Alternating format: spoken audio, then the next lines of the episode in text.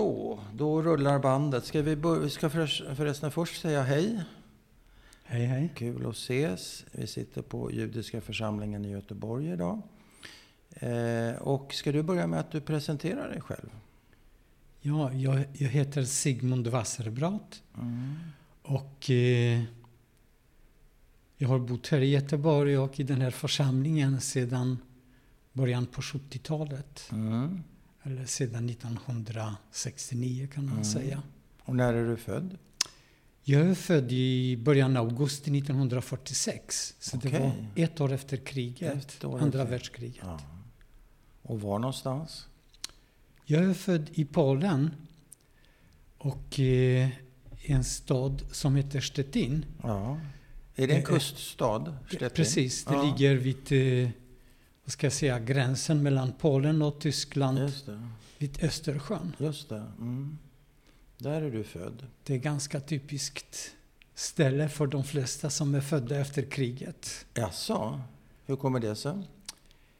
Ja, eh, i början av, alltså efter kriget så bestämde Sovjet nya gränser i Europa. Mm. Och eh, Polen eh, har bli, blev av med mycket mark i östra delen, alltså på gränsen till Ryssland. Istället för eh, har Sovjetunionen kompen- kompenserat Polen med område efter Tyskland, det vill säga till väst eh, om gamla polska gränsen Ja. mellan älven Odern och Polen, gamla Polen. Men vad hette Stettin på, när det var tyskt då? Ja, Stettin. Det heter Stettin? Stettin. Så det på polska heter det Szczecin. Ah, så det ändrade inte namn egentligen? Nej, men i alla fall när man ändrade gränserna Ja. då tömde ma- eh, Sovjetunionen också på polska befolkningen i Ja. östra Polen. Ja, De fick passera alltså den nya gränsen, komma till Polen. aha. Plus att många invandrare som hamnade i Sovjetunionen under kriget, de kom tillbaka till Polen och då bosatte man alla dessa personer i västra Polen, Ja. före detta tyska områden. Ja, så dina föräldrar, råkade de ut för det här? Ja, Den här det folkomflyttningen? kan man säga. Det var en rätt så stor grej alltså? Det var stort. Det var över en miljon människor som eh, fick lämna östra Polen. Mm. Det, det, här, det Ukraina idag, det är staden Lvov. Min mamma är född där i den trakten. Mm. Och en del i Litauen. Mm. Och allt det här flyttades till eh, västra Polen. Ja.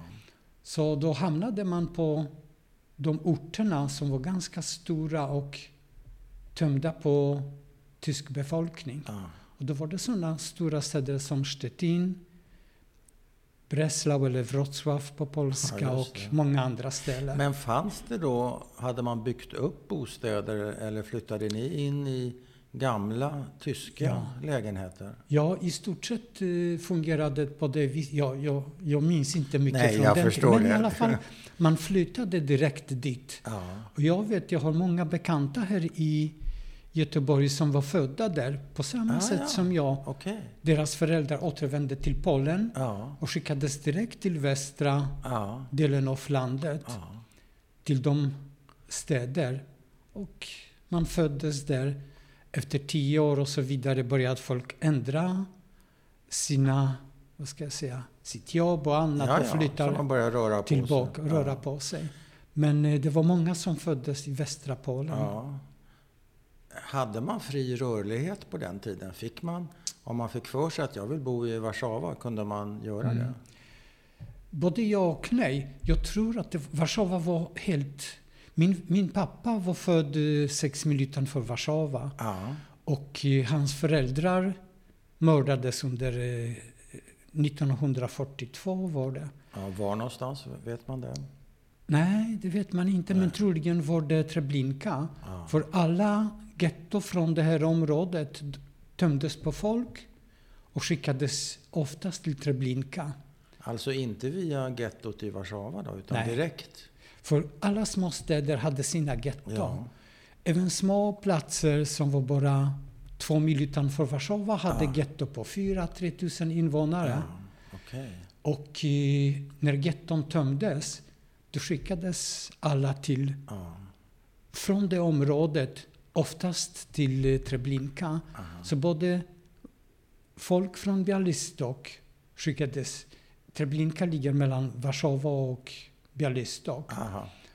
Så alla, alla skickades dit till Ja. Treblinka. Var det där din pappa Nej, eh, var, var född, sa du? Nej? ja, min pappa var född utanför Warszawa, söder om Warszawa, Ja. sex mil. Ja. Men det här gettot som dina farföräldrar... Jag, jag vet inte riktigt nej. vad de var, Nej. vilket getto, för de bodde där sex mil utanför Warszawa. Ja. Min farfars far bodde i en stad som heter eh, Parisov.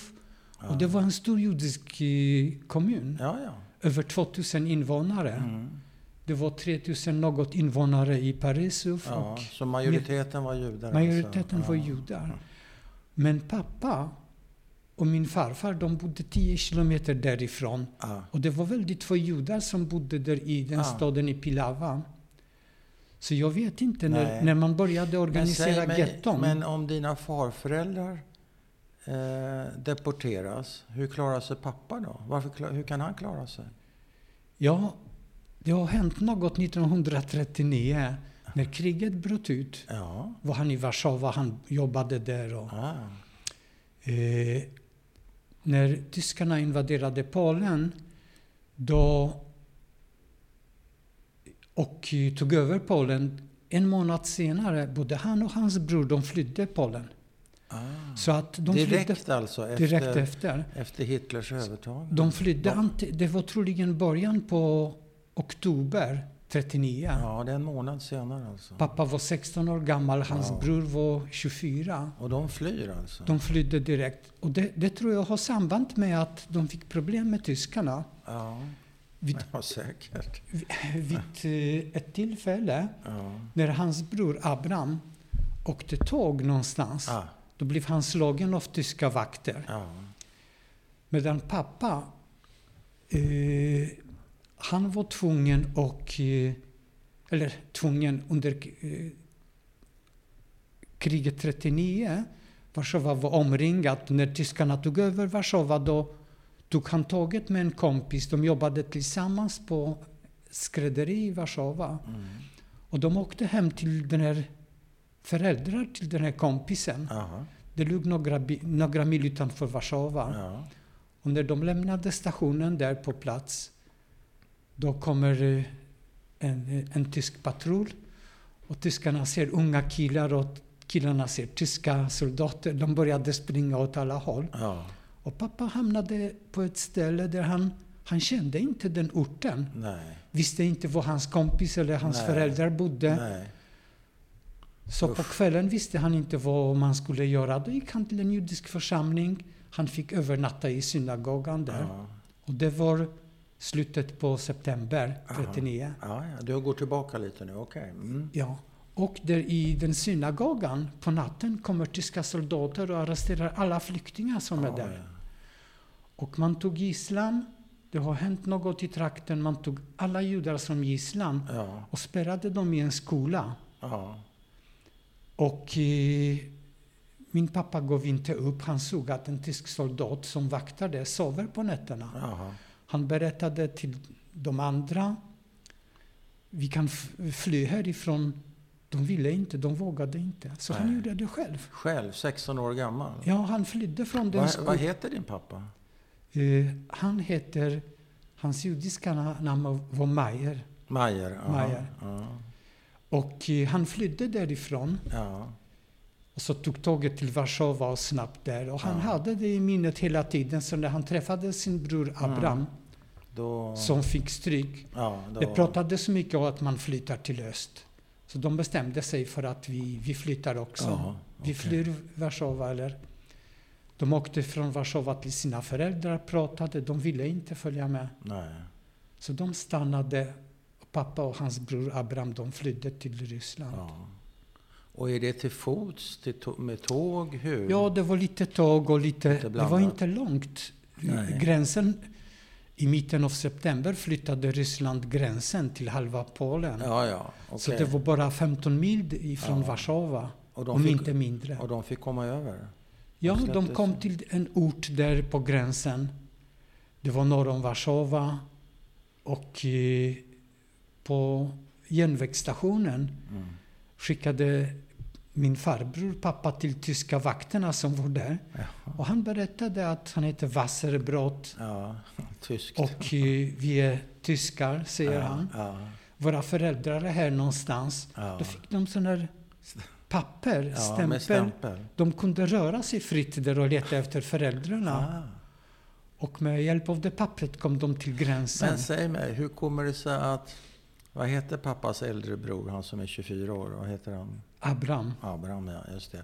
Hur kommer det sig att den äldre brorsan skickar den yngre brorsan? Det hade varit nat- naturligt att tänka sig att kanske Abraham skulle ha Ja. gjort den här farliga kontakten. Hur kommer det sig? ja, det beror på att eh, där de bodde i Polen, där de växte upp, Ja, de växte upp med tyskarna. ja. Det var en tysk koloni och de bodde i ett hus som ägdes av en tysk familj. okej.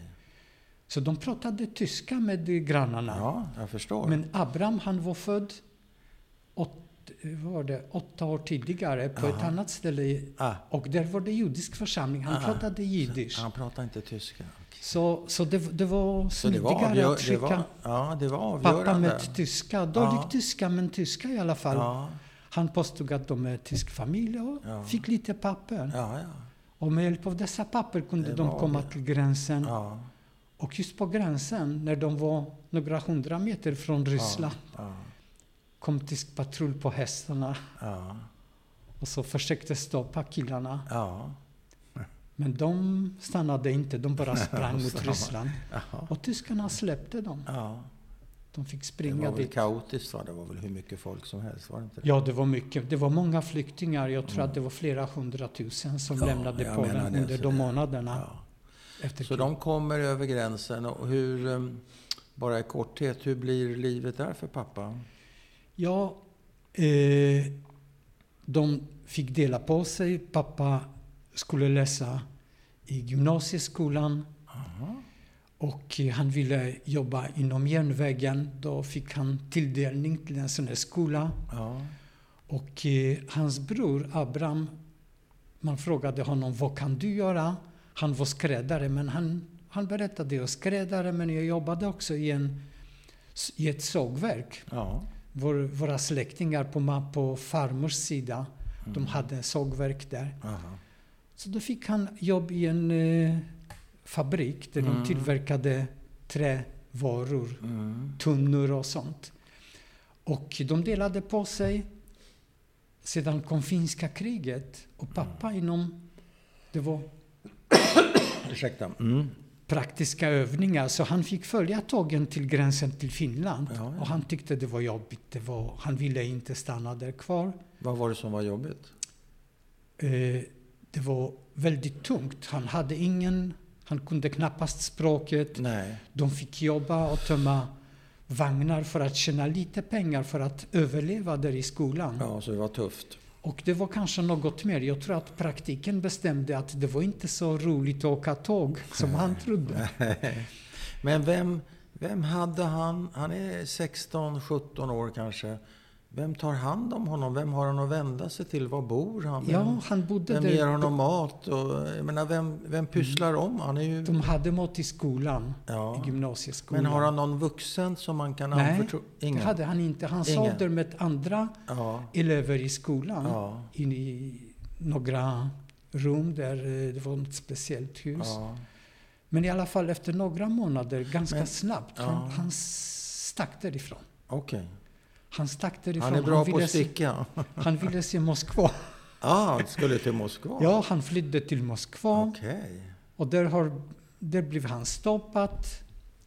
Och eh, eh, hamnade i en sån arbetsförmedling. Det var en judisk chef, en Ja. tant, Ja. som hjälpte honom. Ja, Tog fick han honom hem till sig. Han fick Okej. övernatta där efter några dagar. Fick han tilldelning åka tillbaka till Ukraina till en Ja. annan skola. Jaha. Så han hamnade till slut i Ukraina. Ja. Och under den här tiden berättade han, han fick många brev från sin bror. Han var, Abraham, han var mycket besviken. På vad? På allt, på livet. Det var väldigt tungt. Det var, Abraham var besviken. det var helt annat än de Det var inte, trodde då. det Det var var inte väldigt som han hade, tufft. han hade inte tänkt sig att det skulle vara... Nej, det var tuffare än han trodde. Ja. I alla fall, Abraham försvann. Han eh, försvann. Pappa har inte hittat honom. Nej. Brevväxlingen stoppades. Ja. Vad hände? Vet han det? Ja, vi vet vad som hände. Ja. Vet pappa, fick pappa reda på vad som Nej. hände? Han fick, Han fick aldrig först det. efter andra världskriget. Först efter andra världskriget? Vad som hände tydligen, eh, Abraham försökte komma tillbaka till Polen Oj. och hämta sina föräldrar. Ja. Och när han övernattade i Bialystok en natt kom KGB dit och arresterade alla. Oj. Och han hamnade i ett arbetsläger, straffläger. Oj. Och han hade lite tur där. För i det lägret fanns polska soldater. Mm. Så att i över ett år satt det, det var våren, jag tror april 40. Mhm. Så fram till augusti 41 var han i det här lägret. Mm. I, och kontakt mellan honom och min pappa bröts helt och hållet. Mm. I alla fall, pappa hamnade i Ukraina, i Vinnytsa. Det ligger mellan Kiev och Svarta havet. Mm. Och så fick han nya kompisar där, Okej. Eh, bekanta. Och han tyckte väldigt, det var väldigt roligt på det stället för han var nästan som en gäst där Ja. som kommer från väst. Alla såg, Ah. såg upp till honom. Ja. Han jobbade, gick i skolan och eh, han var väldigt aktiv i en idrottsförening där. Ja. Men idrotten på den tiden var anpassad till militärtjänsten. Ja, okej. Så han eh, fick lära sig sådana militära ämnen. Hoppa fallskärm, Jaha. köra bil och så vidare. Han Ja. fick körkort. Ja, det var ju viktigt. Ja, och sedan eh, såna anpassning till militära uppgifter. Åka skidor och så Ja. vidare. Så bryter nästa krig mellan Tyskland och Ryssland. Ja. Det var i juni 41. Och han anmälde sig med sina kompisar ja. till ryska armén. Oj. Till Han Röda armén som frivillig. Ja. Och han var 18 år gammal då. Ja. Var det en polsk bataljon eller var det en del Nej, av var- Röda det var armén? rysk. Det var Röda Det var rysk. armén? Han visste ingenting om polska armén. Nej. Så han hamnade i ryska armén. Men tack- honom. Tack vare dessa saker han kunde. Ja. Han kunde köra lastbilar, körde motorcykel med politroker och Ja. han, fick, han slapp att springa till fots. ja. Och eh, hans förband hamnade i en... blev omringade av tyskar. Oj. Men de lyckades slå sig ur Jaha. omringningen. Ja. Så efter många äventyr där. Han körde lastbil med all utrustning, fastnade i leran. Fick lämna bilen och springa till fots eller hittade en häst. Aha. Fick rida den och Ja. blev medvetslös. Rida häst utan sadeln. Det var inte lätt tydligen. Nej. I alla fall eh, ryska Röda Korset hittade honom liggande vid en vägg. När han och fick liv i honom sedan. När han klarade sig då skickades han tillbaka till förbandet. Jaha. Men hade han svimmat av att rida? Var det Nej, så? han var helt slut. Han, Han han, var var, slut. så skadad att rida Ja. häst utan allt. Han säger Ja. han hade sår på benen. ja, han var helt slut. Han var slut. Men i alla fall, han kom tillbaka till förbandet och började... Eh, han blev engagerad i sådana spån, spaningsuppdrag. Tills några månader senare, det kom folk från högre orter och de började samla soldater som var användbara på annat håll. Aha. Och de försökte övertyga honom att eh, lämna, lä, lämna förbandet och Mm. anmäla sig till andra förband där de organiserar transport och så vidare. Han ville inte. Nej. Han ville bli officer som hans ryska kompisar. Ja. Då svarade den eh, personen som rekryterade folk att en officer överlever två veckor under kriget. Okej. I, du kan bli officer senare, det gör Ja. ingenting. Nej. Eller det, det är inga problem. Nej. Men tänk på det. Och han funderade och gick med på att flytta. Så han flyttades djupt in i Ryssland Mm. och deltog i... Tog hand om tra, transporter med lastbilar från fabriker Ja. med ammunition och så vidare till Ja, fronten. Till fronten, ja. Okej. Så livet var det, ändrades. Var, det ett mindre farligt uppdrag? Både ja och nej. Mm. Han har överlevt många saker där också. Ja. Men han hamnade i en stad som heter Penza. Det ligger, eh, jag vet inte om du vet vad Kazan är? Nej. Det ligger Volga, lo- Ja, cirka ja. Mm. 100 mil öst om Moskva. Mm. Det var en vapenfabrik, han hamnade där. Ja. Så dels jobbade han där och hjälpte med olika uppdrag. De, han körde stridsvagnar på speciella uppdrag. De Mm. testade stridsvagnarna och så Mm. vidare. Och sedan körde de transporterna till fronten. ja. Och bland annat körde han transporter till eh, Stalingrad. Mm. Och han träffade sina kompisar från den här Ukraina, från Mm. den staden, från Vinnytsa där. Mm. Där han hade trivts så bra. Ja, han träffade dem, de började gå officersskola, blev löjtnanter. Mm. Och det blev han också till slut. Mm. Man behövde specialister när man körde transporter. Mm. Någon var ansvarig för det här. De behövde befäl. Mm. Så till slutet av kriget blev han också sin löjtnant och överlevde på det sättet. Mm. Blev bombad flera gånger när de körde transporterna och överlevde flera sådana tillfällen. Mm. Men i alla fall under den tiden visste han ingenting om sin bror. Nej. Och eh, 40, 41, när tyskarna in, invaderade Ryssland, då fick Mm. alla fångar i ryska arbetsläger, de fick lämna det Ja. på ett villkor att de anmäler sig till armén. Mm. Och det gjorde hans bror. Ja, ja. Han allmän, anmälde sig till en armé, men det blev polska armé istället. Ja, just det. Det var en så kallad Andersarmé Mm. som från början blev väldigt... Eh, alltså kom i konflikt med Sovjetunionen. De började fråga, det var många polska soldater där, och de frågade vad är våra befäl? Ja. Och det visar sig att Stalin har avrättat Mm. över 15 000 Är det Katyn i Katyn. Ja. Så Så där var befälen? På grund, ja, precis. Så på grund av alla dessa konflikter bestämde, som, bestämde sig Ryssland att låta dem lämna Sovjetunionen Ja.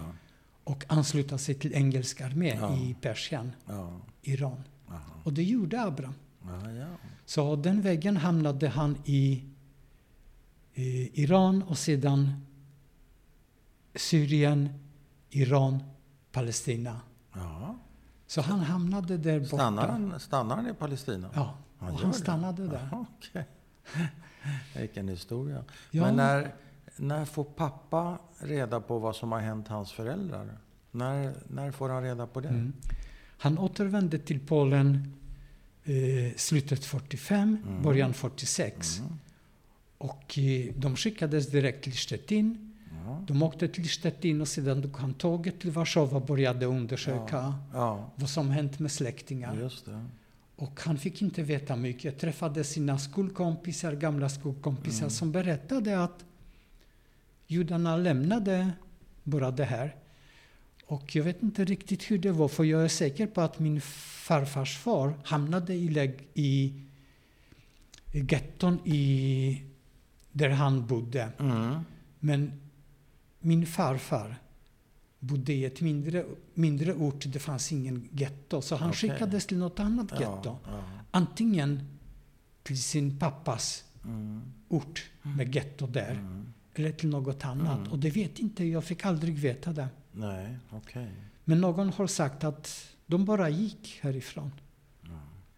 Så mycket fick jag veta. Så det är lite, lite tråkigt att grannarna såg folk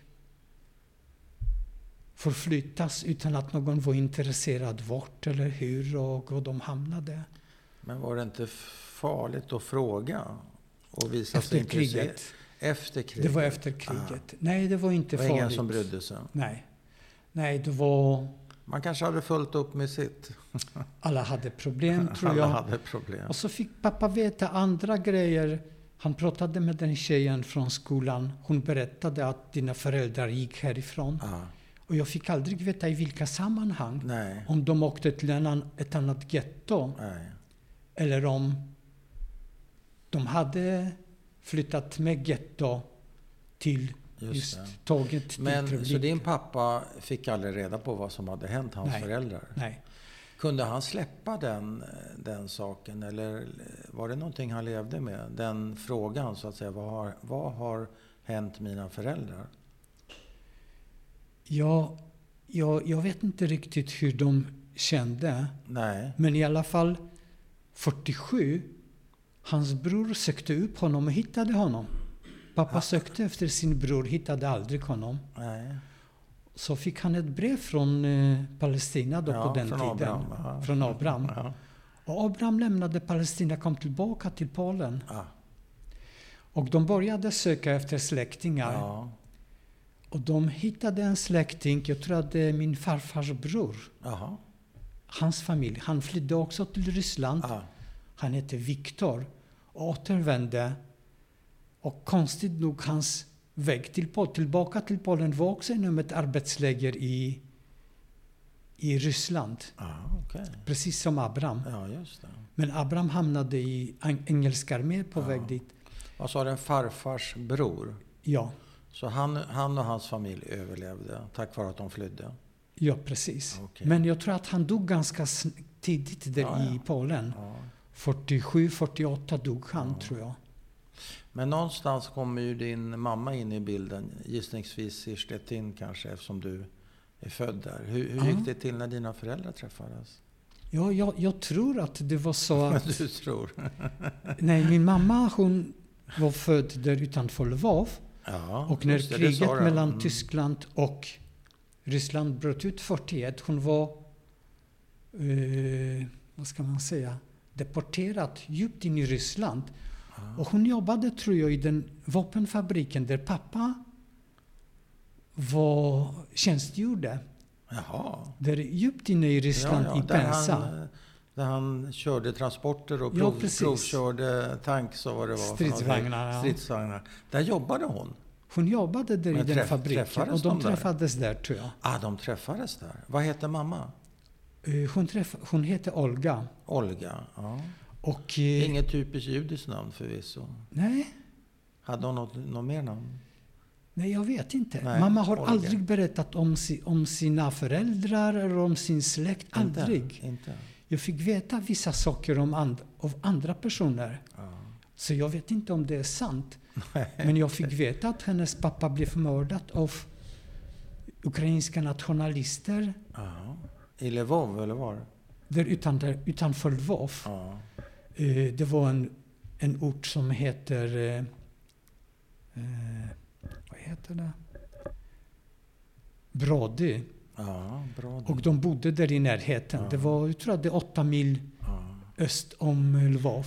Och där mördas eh, Min det är eh, din morfar. morfar. helt enkelt. Mm. Och sex månader senare dog hans fru, alltså min Mormor. mormor. Och hur, hur dör hon? Jag vet inte. Nej. Men jag hörde att... Ja, jag, jag vet inte vad som hände, men Och mamma berättade aldrig någonting? aldrig. Men Jag fick- pappa, pappa verkar ha berättat lite mer. Pappa berättade många saker. Många saker. Men lite, lite som en äventyrsbok låter det som. Sådär. Ja, men det, det kan hända att det var sådana stora händelser man berättar. Ja, ja. Eh, han berättade om incidenter under kriget där Ja. i, när han körde sina lastbilar och så vidare. Han blev. Och bombad fastnade, ja. och Men, vaknade eh, på sjukhus plötsligt. Men mamma sa inte ett Ingenting. enda Men kunde ord om något. pappa sätta ord på sina känslor? Eller var det mera action och mera händelser? Nej, jag, jag tror att det var snarare så att eh, de har aldrig berättat för oss vad som hände. Men Nej. när andra släktingar som överlevde kriget kom, när de träffades, Då pratade då de? berättade de med varandra. Ja, det är klart. Och det hörde jag, du jag på? hörde vissa saker där. Hur, hur, hur var det? Var Jo. det spännande, intressant, sorgligt? Nej, det var, det var nya saker. Jag, Ja. jag fick veta vad som Du hände. ville veta? Ja. Men det var inte så spännande, ska jag erkänna. Nej, nej. För eh, pappa har hittat i Ryssland en kusin. Alltså, hans faster Jaha. hade en son som överlevde kriget. En kusin alltså? En kusin till min pappa. Mm. Och han återvände också från Ryssland till Polen, men på väg till Polen hamnade han i Kiev och gifte sig med en rysk tjej. Jaha. Han har skilt sig från henne och sedan gifte han om sig med en judisk rysk Jaha. tjej Jaha. och bosatte sig i Kiev. Jaha, ja. Och min pappa hittade honom. Ja. Så mitten på 50-talet, 56 eller något sånt, åkte mina föräldrar till Ryssland och pappa var i Kiev hos den Ja, kusinen. kusinen. Men förutom din farbror, är den här kusinen den närmsta släkting pappa hade? Nästan. Nästan. För pappa fick höra när han var i Ryssland träffade någon bekant Mm. på en järnvägsstation. Ja. Och den här bekanten påstod att din syster är här i Ryssland någonstans. Oj. Pappa, din, Hon- hon din flydde. faster alltså? Min faster. Ja, ja. Hon flydde från Polen. Hon heter eh, Regina.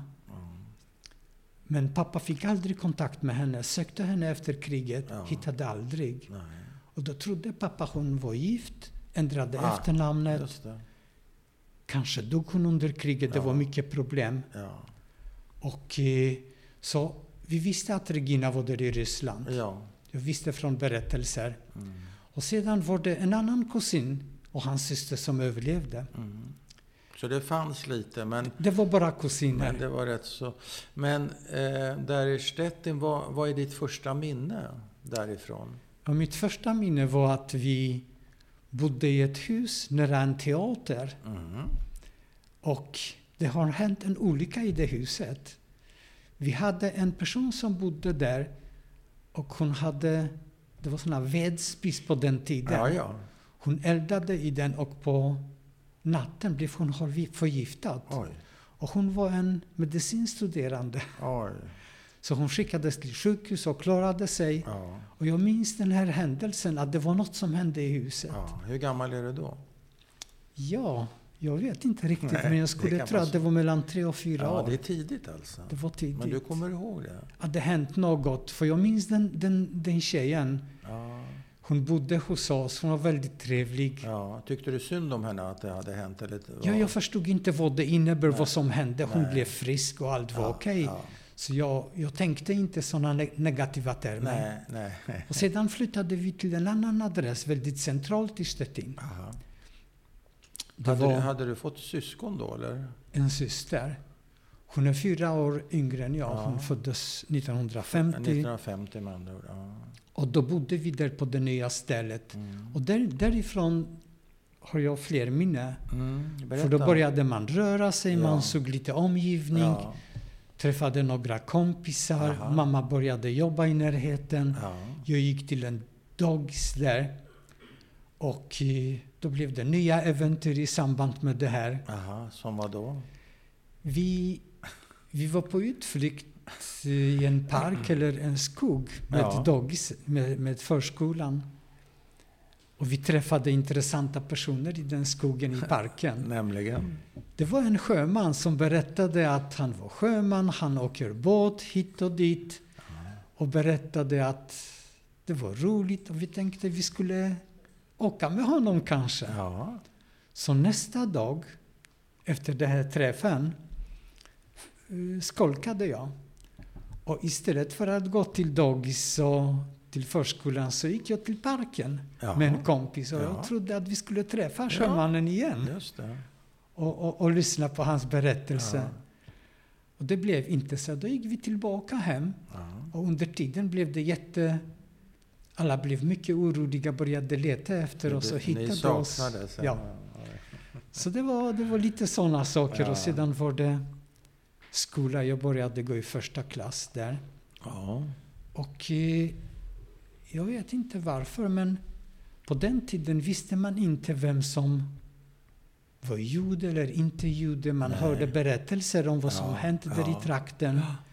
olyckor, någon blev mördad, skjuten och så Ja, vidare. Ja, ja. Så jag har dessa minne, sådana berättelser och de var mindre roliga när man Ja, berättade att någon var skjuten. Och du förstod själv att du var jude när du hörde de här berättelserna? Nej, jag, jag visste inte Nej. vad det var. Du visste inte riktigt? Nej, jag visste du visste inte. inte att du var jude? Nej. Du visste inte vad det betydde? Nej, Men jag visste- människor blev skjutna och det tyckte du var obehagligt såklart? Ja, Oj. för eh, Hade folk pratade om vad som hänt med människor. Någon, Ja. Det var alltid många rykten i samband med sådana olyckor. Just det. Man tog kroppen och gjorde tvål av den personen. Och Ja. och Det var hemska berättelser, Ja. så jag var rädd. Var det judarna som gjorde det? Tog de blodet från bebisar också? Ja, nej, det är ingen som visste. Eller jag, jag, jag hörde inte vem det var som har Nej. skjutit folk. Men Men man en gjorde gång två? Ja, okej. när jag började gå i grundskolan, första Ja, klass, Ja. då gick vi tillbaka hem. Mm. Och en kompis som gick med mig, han sa kom vi ska gå till kyrkan här och han berättade för mig att det finns någon som heter Gud och han vet vad alla gör, vet vad du gör nu och vad jag gör nu och det var hemskt. Jag tyckte en sån övervakning uppifrån. Det passar inte. Nej, det var, det var inte roligt. Det var inte roligt. Nej. Så vad hände? Och så gick vi till den här kyrkan, han visade mig något där. Det var första gången jag var i kyrkan i ja. mitt liv. Ja, ja. Och jag tittade här och där. Han stoppade handen i något vatten och gjorde ett korstecken. Jag visste inte vad det Nej, var. Nej. Så efteråt gick vi därifrån hem. Jag berättade för mina föräldrar om det. Ja. Och min pappa blev upprörd att jag var i kyrkan. Och jag fick inte vara, gå till kyrkan. Och jag förstod inte varför, vad det Nej. var för något. Nej. Så det var liksom första, första gången jag förstod att det finns olika världar. Just det. Och att Det- du hade gjort något fel. Och det var, det var inte välkommet. Nej. Så det var sista gången jag var i kyrkan då på den tiden. Och ni hade inte varit i synagogan? Dina föräldrar kanske inte var religiösa nej de, alls? det kan hända att de har gått till, jo, Ja. de har gått till judiska församlingen där och hade ja, ja, kontakt. men, men till syn till gudstjänster Nej, och sånt där, nej. det var inget de höll Nej, på det med? var... Var de ateister kanske? Ja, jag tror att man började jobba, man var upptagen. Ja. Det var många som inte gick till synagogan Nej. direkt efter kriget. Nej. Allt var väldigt rörigt. Ja, det. Det var innan 1953. Och vad hände 53? Ja, 53 blev min pappa ovän med sina chefer. Han fick ett annat jobb och vi fick flytta till Warszawa. Ah. Så vi lämnade Stettin. Han var orolig att något kan hända där med honom och fick ett jobb. Eh, Vad utan- hände? Vet du vad det handlade om? Han, han anklagade sin chef, har jag hört. Att eh, chefen, det fick jag höra senare alltså, när, Inte från när jag var pappa? vuxen. Eh, Från jo, pappa? pappa sa ja, han berättar. Pappa berättade sådana saker. Ja. Så vad... Att han anklagade sin chef och att han sålde smuggelgods. Oj. Bland annat sålde han mediciner och så vidare. Ja. Och det var inte välkommet. Han måste ju ha förstått att det skulle leda till Ja. problem för honom. Han förstod hur? att det, det, det kommer och han får tillbaka det på Ja. något sätt. Men varför hade han behov av att anklaga honom? Har Det han vet jag inte Har vad han som hände. det? Nej, Hade han ett rättspatos, din pappa? nej det var Var han, något... var han kommunist? Var det förstå, Ja. Stal han från staten? Var det någon nej, sån? inte, det var inte därför han berättade. Det- Nej? Nej. Men i alla fall, eh, de var kommunister allihopa Ja, ja. så småningom. Såklart. Man var, Man var medlem i partiet Ja, för eh, jobbet krävde eller något sånt. Men jag tror att det har hänt något mellan dem. Och min pappa tyckte det var orättvist att chefen låtsas att... Det berättades kanske att han säljer mediciner som, som eftertra- eftertraktade på Ja, marknaden. det var väl brist. Penicillin, ja, precis. Det var svarta börshandeln. Jag vet att när jag var sjuk då man behövde penicillin. Ja, ja. Och eh, det var svårt. Det var, Ja. Penicillinen räddade mitt liv då på Ja, den tiden.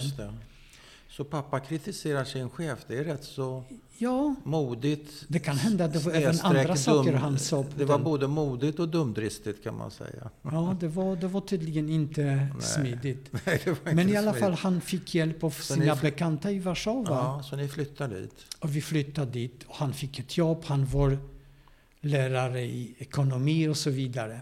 Hur, hur blev det för dig?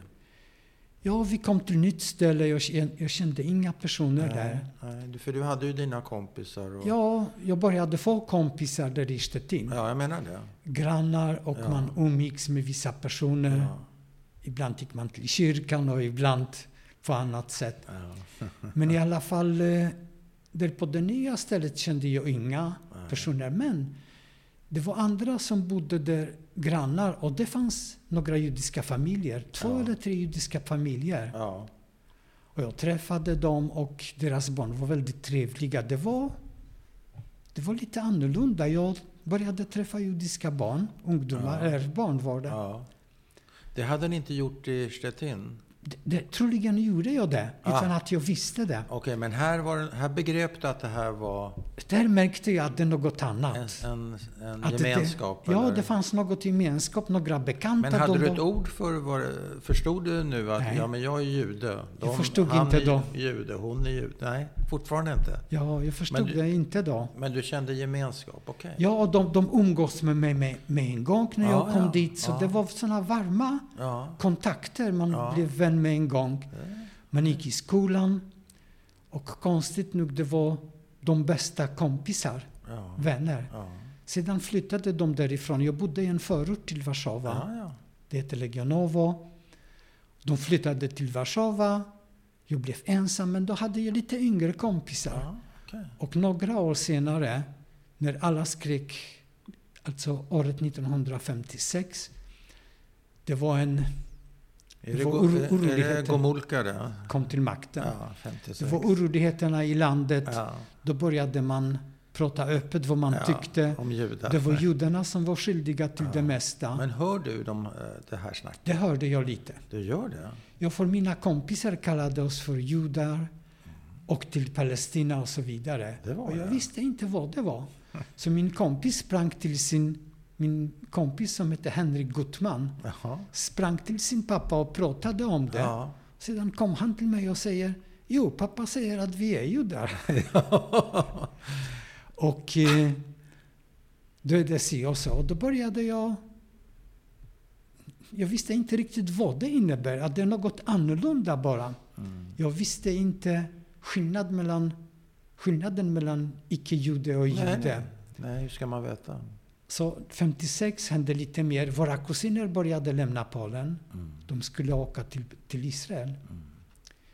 Och eh, de var hos oss ganska ofta. Vi hade bra kontakt med dem Mm. några gånger om året. Vi träffades på somrarna. Och de skulle lämna Polen Mm. och till Israel. Och då, jag var så stolt över det att min kusin åkte till Israel Ja. och berättade för en kompis, men han var inte alls så glad och säger ja, judar ska åka till Palestina. Han var alltså negativt inställd till både min släkt och mig. Ja.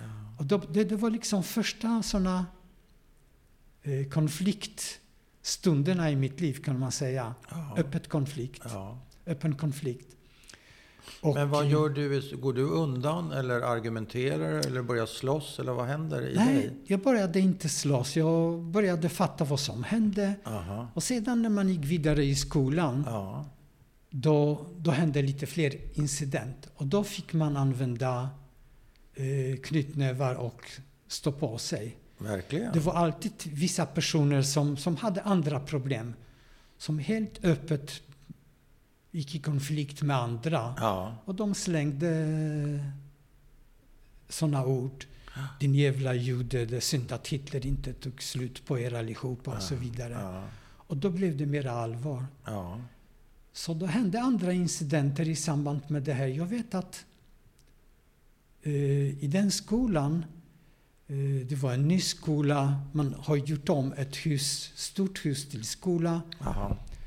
Det var helt nytt och lärarna började komma in, flytta dit och Mm. arbeta där. De var väldigt tuffa mot oss. Man fick läsa, göra läxa hemma. Den som inte har gjort det fick en tvåa. Oj. Ja, eller... eh, Men när Så- du slåss så där, blir du uppkallad till rektorn som... eh, Nej. Det händer aldrig? Jag, nej, det var lite små knuffar. Ja. Men just i samband med det här, en kompis var väldigt sur på mig och slängde såna fula grejer. Ja. mot mig. Ja. Jag blev arg, jag slogs inte med honom. Nej. Men nästa dag när vi hade en fysiklektion, då kommer läraren, vi fick, de var väldigt stränga, Ja. och jag visste det. Alltså innan lektionen kommer han till mig, den här killen som var så ful, Ja. Och så frågade om han kunde eh, skriva av mina läxor. Absolut, sa jag. Och han fick göra det. Jaha. När lektionen började, då, då lyfte jag på handen och anmälde till lärarinnan att han skrev av mina läxor. Han fick en tvåa. Jaha. Det var din hämnd. Ja, och faktum är, han har aldrig lyft fingret mot mig igen i Efter livet. det. Så detta var mer effektiv, effektivare ja. än att slåss. Ja. Det var en, det var en hämnd med kallt hjärta, brukar man säga. Ja, jag Du, var- du hade tänkt ut det hela. Och, och det för hände andra saker när man gick till lärarna och klagade. De tittade på varandra och de visste inte hur de skulle reagera. Nej. De reagerade aldrig. Det kan hända att de gjorde något bakom ryggen på Ja. oss, men Men den här situationen, den här stämningen som är i landet, allt, alla antisemitiska angrepp på... på ni, ni är ju polacker. Ja, visserligen judar, men ni är ju, liksom, ni är ju en del av nationen, trodde, trodde man kanske. Men, ja, vi, det var det enda språket vi använde. ja, jag menar det. Ni, ni, ni är så att säga goda polacker, goda kommunister, men det hjälper ju inte för ni är judar. Hur, hur reagerar dina föräldrar i den här rätt så besvärliga situationen? De har ju varit med om en hel del under kriget och så händer det här. Ja, det var 56, 57. Våra kusiner lämnar Mm. Polen. De bodde i Lodz, det är bara 10 mil utanför Warszawa. Mm. Och, och just det, 47 kom också pappas bror tillbaka till Polen. Ja, från Palestina. Jaha. Och hans väg var väldigt speciell. Ja. Han kom dit och då blev han skickad också till västra Polen automatiskt Ja. till Wroclaw, Ja. Breslau. Därifrån åkte han till Stettin och var hos oss länge. Och han ville bo i Lodz. Ja. Så han flydde på något sätt från både Stettin och... Men 57 bor väl inte ni i Stettin? Då bor väl ni i Warszawa? Men det var tidigare, det var 48, 49. Ja, ja. Som han kommer... Så han, han kom 47. Så han flyttade Förlåt, till Lodz. 47, okej. Mm. Och han bodde där i Lodz med de andra kusinerna Ja, ja. till oss. ja, ja. Och eh, det var läget ännu mer speciellt. Det var många konflikter. Så många judiska familjer började lämna Lodz direkt. ja. Och kusinerna lämnade Lodz. Abraham var mycket ledsen. Han var mycket besviken. Han ville också lämna Polen. Mhm. Och pappa tyckte att det klarar sig. Vi, vi testar, vi klarar oss ja. ändå. ja. Och det har lugnat ner sig i och för sig. Men många judiska familjer lämnade Polen. Ja. Och Abraham skulle lämna Polen, men han blev mycket sjuk. Ja. Han fick ett pass till och med. Mm. Han blev mycket sjuk och dog nästa dag efter det att han hamnade på sjukhus. Oj. Vad dog han av? Ja, han blev felbehandlad på sjukhuset. Mm. Han hade sockersjuka, var i väldigt dålig skick. Ja, ja. Det första han fick när han hamnade på sjukhus, han fick en spruta som skulle förstärka honom, alltså med Ja. socker. Och han dog. ja, det är klart. Det var, det var hemskt. Ja, Det var, så Mm. pappa, jag var hemma när jag fick veta det och kontaktade pappa. Ah, nej, pappa kom hem Ja, och jag visade telegram till honom. ja. Det som kom och pappa var väldigt ledsen. Det var hans enda syskon som överlevde Mm. kriget. Mm. Och eh, då lämnade han mig. Mamma var inte hemma då. Nej. Hon var på en resa och pappa fixade begravning på judiska begravningsplatsen i Warszawa, på Ja. Kopowa, Ja. på den stora begravningsplatsen. Ja. Och pappa ville skona mig begravningen så jag var inte där på begravningen. Nej. Ville du vara med? Jag, jag visste inte vad, vad det innebär. Jag, det var inte roligt att vara på en begravning. Nej, det det. Så jag var lite... Jag var inte ledsen för att jag inte var Nej. med på begravningen.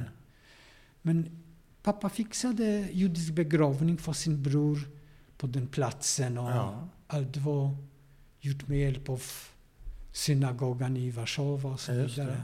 Mm. Och sedan visste jag var det var någonstans.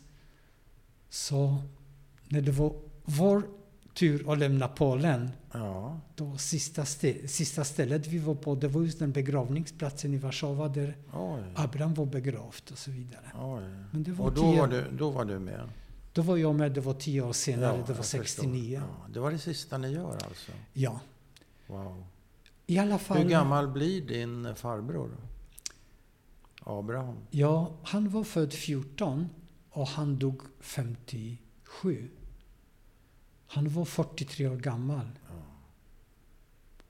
Så det var, det var inte mycket. Tufft. Det var tufft.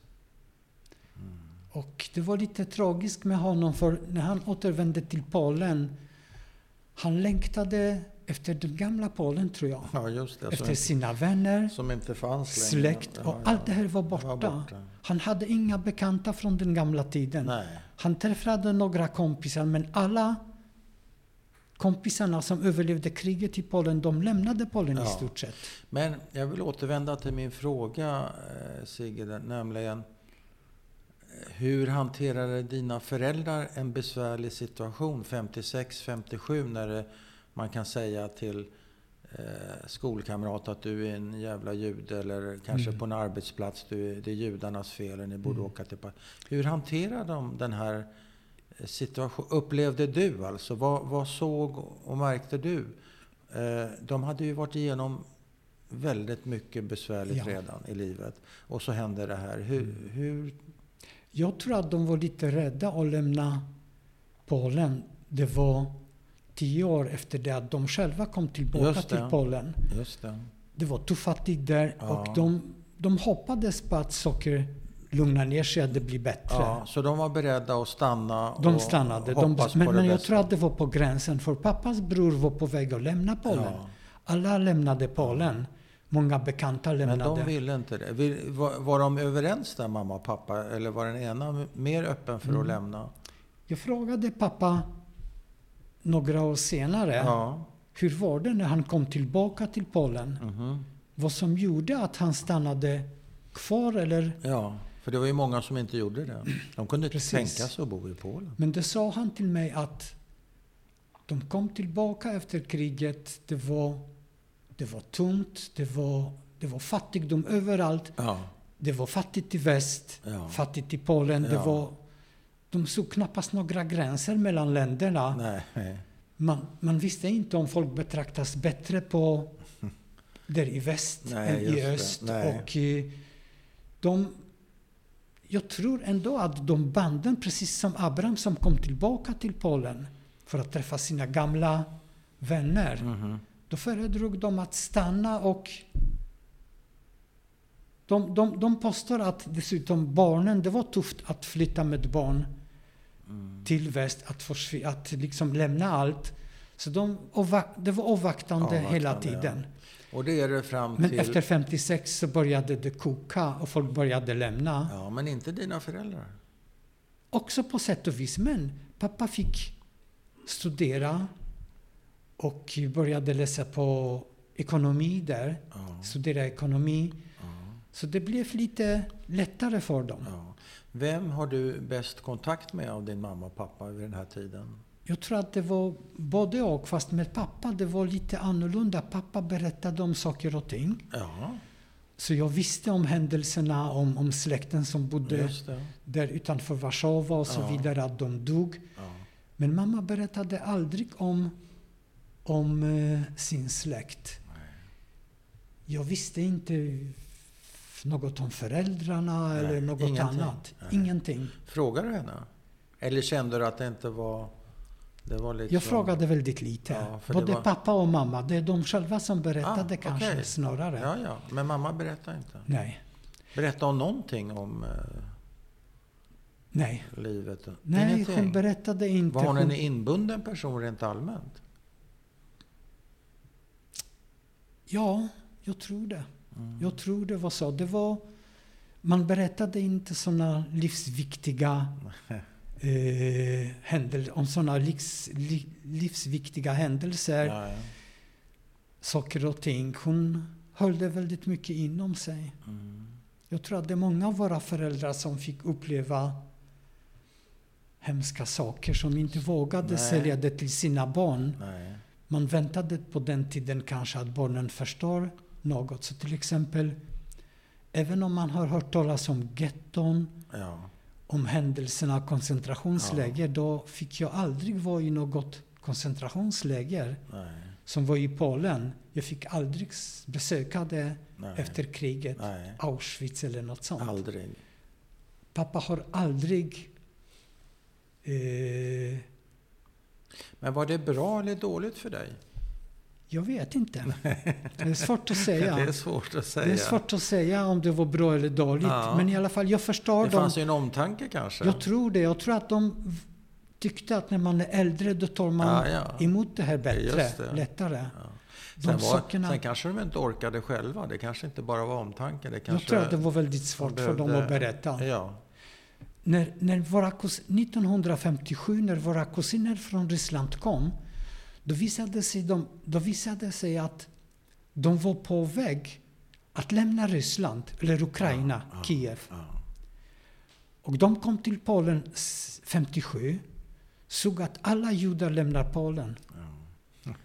Och de hade redan pass. De fick tillstånd att lämna Ryssland och komma till Polen. Ja, ja. Men när de såg att judarna började lämna ja. Polen, då kom, när de återvände från Polen till Ryssland, de bodde där fortfarande, Ja. då lämnade de till- tillbaka passet och avstod från den utvandringen. Ja. De, jag träffade dem senare Ja, och blev de berättade där. att dels var det så att min, eh, det var alltså min pappas kusin Lova, eller Leib, Mm, Leib, ja. och eh, hans fru Bella. Mm. Hon, hon, hennes föräldrar det var ryska judar, eller ukrainska judar. Deras barn dog under kriget. Hon var den enda barnet som överlevde. Okej. Och de sa till henne, vi vill inte att du ska lämna Nej. Ryssland. Du, det var liksom det enda som höll dem vid livet ja. där. Ja.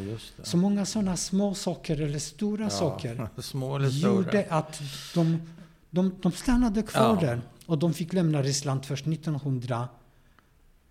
1980 ja. på Brezjnevs tid. ja. Till Israel eller vad hamnade Till de? USA hamnade Ja, de. till USA. Men säg mig, när minns du första gången du förstår att du är jude? Ja, det var, det var just på den tiden, 56, 57, Jaha. när min kollega berättade vi är judar Ja. och så vidare. ja, Och just då- det. När du gick... Just det. Ja, Mm, jag det förstod inte riktigt vad det var. Nej. Men då hörde jag också, pappa brukade komma med matse till eh, Pesach. Ja, Så vi hade matse hemma. det hade ni. Utan några speciella... Vi, vi, jag visste inte vad alla Varför? kristna helger var för något. Nej. Det var, det var helt främmande för mig. Men just på. Pesach Du hade menar, du vi visste matse. inte vad de judiska helgerna var? Nej, det visste jag inte heller. Nej, okej. Varken eller. Men på Pesach hade ni matse? Vi hade matse Ja. och sedan fick jag veta att pappa köpte det i Warszawa i en judisk affär speciell. Ja. Så jag började veta lite Men ni mer. läste inte ur Haggadan? Nej, Och be, jag du, hade du var inte ingen- bekant med berättelsen? Jag hade och, ingen religiös kontakt Nej, nej. med församlingen. Men från 56-57 så förstår du ändå att du har någon slags etikett jag är på dig jude. som heter jude. Men du jag vet tillhörde inte. den gruppen Ja. som mördades under kriget som polackerna, Det förstår du? ja, Wow. som polackerna hatade. Ja. För det gjorde polackerna också tyvärr. Och, Men då är du 15, 16, 17 år något sånt där? Ja, jag var över 12 år gammal. Mm. För under tiden så har jag också sett andra händelser. Vi besökte de släktingarna som stannade kvar i Kiev. Aha. Vi var på en semester vid Röda havet. Det hände en incident där folk började skrika på dem också där. Wow. Jävla judar och så Va? vidare. Det var 1958 Ja. i en stad som heter Jevpatoria på Krimhalvön. Ja. En sån där badort eller vad? Badort. Ja. Det är en stor badort. ja. Och jag minns också därifrån någonstans att när vi promenerade där Ja. med min far, Ja. jag såg att trottoar, trottoaren ja. Var gjord av judiska eh, gravstenar. Mm. Jag såg att det ligger stenar istället för, på, på, van- istället för vanliga trottoarstenar. Ja. Så Det var det gravstenar. Som man såg Magen på- David eller Ja, och så hebreiska. skrev på hebreiska. Relativt saker. Ja, Och jag hemskt. berättade för pappa Ja. och pappa frågar var någonstans Ja. såg du det? Ja. Och jag visade var. Så Ja. det var det var väldigt tråkiga Så mer och mer såg man Ja. Att omgivningen var inte så vänlig mot judarna. Nej. Och jag förstod att det finns en ko- konflikt begravd här. Jaha, Sedan när jag läste i gymnasieskolan så har jag aldrig upplevt något liknande. Nej. Och det var så tråkigt för jag visste inte ens att på det stället, för den förorten till Warszawa som heter Legionowo, det var 18 kilometer utanför Warszawas centrum, Ja. att det var getto under kriget. Ja. Det fick jag veta för åtta år sedan. Ja. Jag visste, jag bodde Där där, ni växte upp? Där där jag växte bodde. upp. Ingen Det berättade. var, var getto där? Det var alltså. getto Wow. där med över 2000 Ja. personer. Det var inga, inga minnesmärken, ingenting? Det visade sig också att jag gick förbi ett ställe som var ett, det var ett fång, fångläger. Ja. Och, många sådana så, jag, jag fattar inte hur Nej. folk levde, att man inte Nej. ens... Man hade inga minnesstenar till Nej. minne av Nej. över 2000 personer. Finns det det idag?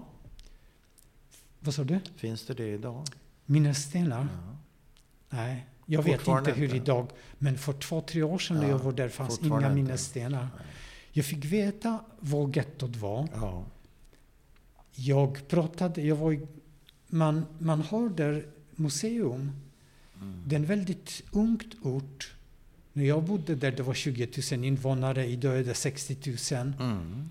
Och jag pratade med museichefen som har skrivit en bok om judarna och getto i, i den orten. Jag Ja, fick ja. den boken av honom. Ja, ja.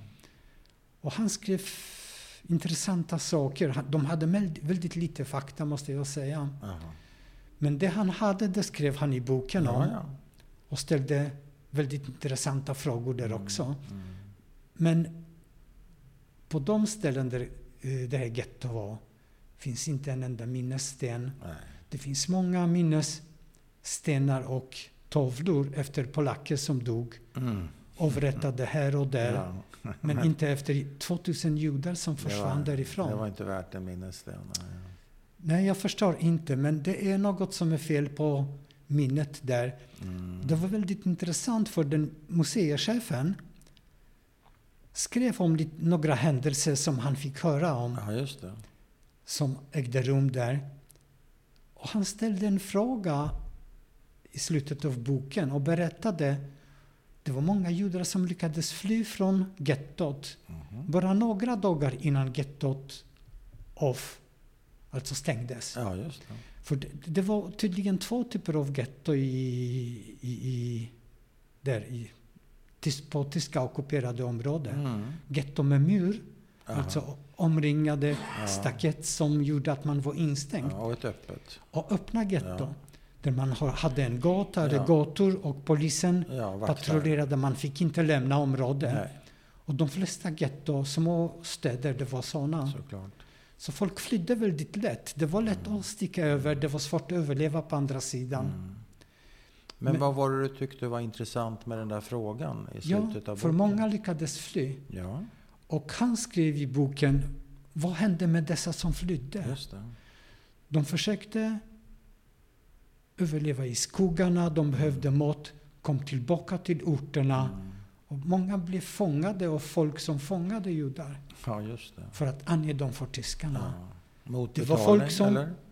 Vad sa du? Mot betalning, eller? Det vet jag inte. Det Nej, var, kanske. troligen fick de något för det här. Ja. Men i alla fall, en del överlevde tack vare att folk hjälpte dem. ja, just det. eh, Gömde dem någonstans. Men en, många en del överlevde sökte sig väl inte. kanske till partisanerna också. Just det. Men det före- var, det var ofta unga personer, inte äldre. De orkade nej, inte. Nej, nej, nej, nej. Och det, det var folk som överlevde det här getto i Legionowo och flydde till Warszawas ja, getto. ja, exakt. Och de överlevde där. Men eh, vi, vi gör ett hopp. Eh, var, var hamnar ni? Bestämmer er för, eller dina föräldrar snarare bestämmer sig för att eh, familjen ska flytta till Sverige gissar jag, 1969. Och var hamnar ni då? Ja, det, vi hamnar först 1967 när eh, kriget mellan sexdagarskriget mellan Ja, ja. Israel och arabstaterna Ja, bryter ut. Ja, Och eh, Israel vinner kriget.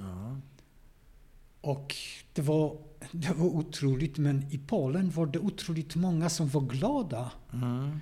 De var glada över det faktum att Ryssland förlorar kriget. För ryssarna var inblandade i kriget där eh, Ah. arabiska armén Ja, ja. hade alla instruktioner, ja, ja. utrustning från Ryssland, Så alla de, instruktörer, de det slog var även. Sovjetunionen och det tyckte folk om i Polen. Det ja. var, jag minns när jag hade militärutbildning på, på Tekniska högskolan i Ja. Warszawa. Eh, våra, våra befäl, de Mm. säger våra judar, vi har lärt dem. De har vunnit kriget mot Aha. araberna. Jaha. Man var övertygad om att det var dessa judar som de utbildade. Exakt. Ja, jag förstår. Men det var inte riktigt så. Nej. Men i alla fall, eh, regeringen och kommunistpartiet var inte alls glada för det. Nej. Ett år senare vände allt. Mm. Eh, 1968, det var juni tror jag, det var en, eller slutet av maj, det var en kongress i Polen. Eh, fackföreningen hade en kongress Aha. och Gomulka hade ett, höll ett tal där. Och han kallade judar för femtekolonnare. Ja. Han nämnde det här att är ni inte med partiet eller med Polen, känner ni att ni är sionister, ni får åka härifrån. Ja. Och han kallade dem för femtekolonnare. Oj. Och jag minns, jag tittade på TV på det här talet direkt. Mm. Och jag förstod att det är illa. Mm. Det, jag förstod att det är som på de gamla tiderna man börjar anklaga judar för allt som är ont i landet. Ja.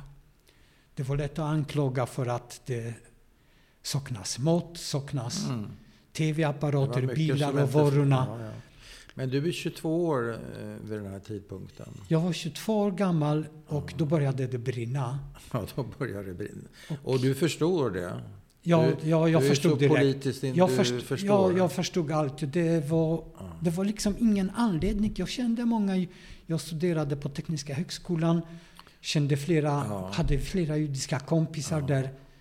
Det var helt otroligt att de skulle vara femtekolonnare i Ja, men det är landet. grovt. Det är antisemitiskt. Ja, det var, det var så Det bestämt. öppen. Så det var både partiet och säkerhetstjänsten som har kokat ihop det. Och då började hända fler saker. På, I skolan började kompisar som jag inte visste att de var judar. Nej. De började lämna landet. Ja. En gång minns jag träffade jag, vi hade en kompis där 68. Först och främst 1968, det var student, studentoroligheterna i Warszawa. Mhm. Och efter dessa oroligheter har Gomulka kallat judarna som deltog i oroligheterna för Just det. femtekolonnare. En av mina, flera av mina kompisar blev arresterade av polisen. Mm. De har inte gjort något. Nej, nej. Flera veckor senare blev de utsläppta. De började lämna Polen. Mm. Och en av dem, eller flera av dem kom till Sverige. Mm. Och under tiden träffade jag andra kompisar där som berättade att de var judar. Mm. Jag visste inte det. Nej. En kompis, en tjej, Anna Zalecka. Hon kommer till mig och säger Sigge, jag är jude. Jag lämnar Polen. Jag var chockerad. Jag förstod Ja. ingenting. Det var en jätteduktig tjej. En Ja. otroligt duktig matematiker. Aha. Och hon berättade om sina problem Mm. med grannarna, med sin pojkvän. Hennes pojkvän har sagt en gång hans släkt skulle eh, gift, det var ett giftermål i släkten. Ja. Och då säger han till Anna, det är bättre att du inte följer med. Nej.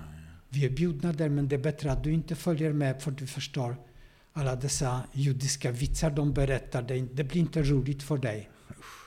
Och hon gjorde slut med honom. Ja. Och andra problem gjorde att hon lämnade på. Hon sa till mig, jag lämnar Polen. Ja. Och var reser hon någonstans? Hennes familj? Hon, hon åkte till hennes, jag tror föräldrarna stannade kvar. Hon åker själv alltså? Hon åkte själv. Anna Wow. åkte själv. Hon sa att hon, ville, hon skulle åka till Staterna. Ja. Så jag vet att genom Wien och Rom skulle hon åka vidare. Ja, ja. Men min kontakt med henne, vår kontakt bröts då. Ja. I alla fall, det var flera personer som Ja. började Ja. lämna landet. Och 69, något som liksom... Min pappa fick problem. Han var pensionerad. Han bodde i Sopot. Mina föräldrar skildes under tiden. Jaha. Han bodde i Sopot. Det var vid Östersjökusten. 30, mi- 30 mil norr om Warszawa, mellan Gdansk och Gdynia. Och Och han där var bor pappa, pensionerad. pappa, pappa, var- pappa var pensionerad och bodde där. Ja. Och eh, han tillhörde fortfarande kommunistpartiet. Ja, ja. Och han fick krav, hans, de som var cheferna där i, i partiet, eller vad ska jag säga, sekreterare Ja, och så vidare, har bett honom skriva under papper. Det var en deklaration mot Israel. Jaha. Och pappa sa, jag skriver inte under dessa papper. Och han, de förstod inte varför. Men han vägrade. Ja. Så senare har de sagt att om du inte skriver under får du lämna partiet. Han säger, jag skriver inte under. Nej.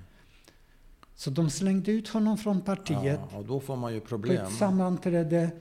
Och han tog sitt partibok, rev av sitt foto, gjorde sönder boken och slängde det på dem Wow. på ett sammanträde. Oj. Och då, i det beslutet de gjorde, Ja. de har bestämt sig för att slänga ut honom och kallade honom för största sionisten där i Gdansk område. Och började bekämpa honom och han fick direkt problem. Vi skulle få en sån här eh, lägenhet där. Mm. Banken eh, har lovat att han skulle få lån. Mm. Men sedan efter den händelsen har de stoppat lånet. Han började få problem överallt. Och jag började få problem i skolan också. Okej. Och det var lite speciella problem. 1968 efter händelser i Warszawa eh, fick jag kallelse till polisen. De ville att jag skulle samarbeta med dem. Oj. Det var i april Du skulle vara angivare alltså? Ja. Och jag, det, det var absurt. Jag visste hur de betraktar judar. Det var Säkerhetspolisen som inspir, var inspirerade till alla dessa antisemitiska eh, vad ska jag säga, rensningar, utrensningar, Ja, kampanjer och kampanjer. Ja. Och det var, nej, jag vägrade. Du gjorde som pappa. Du vägrade. Nej, jag vägrade. Jag visste att det, det var så absurt. Jag skulle... Det var, det var, var, mot du mig. inte, var du inte rädd?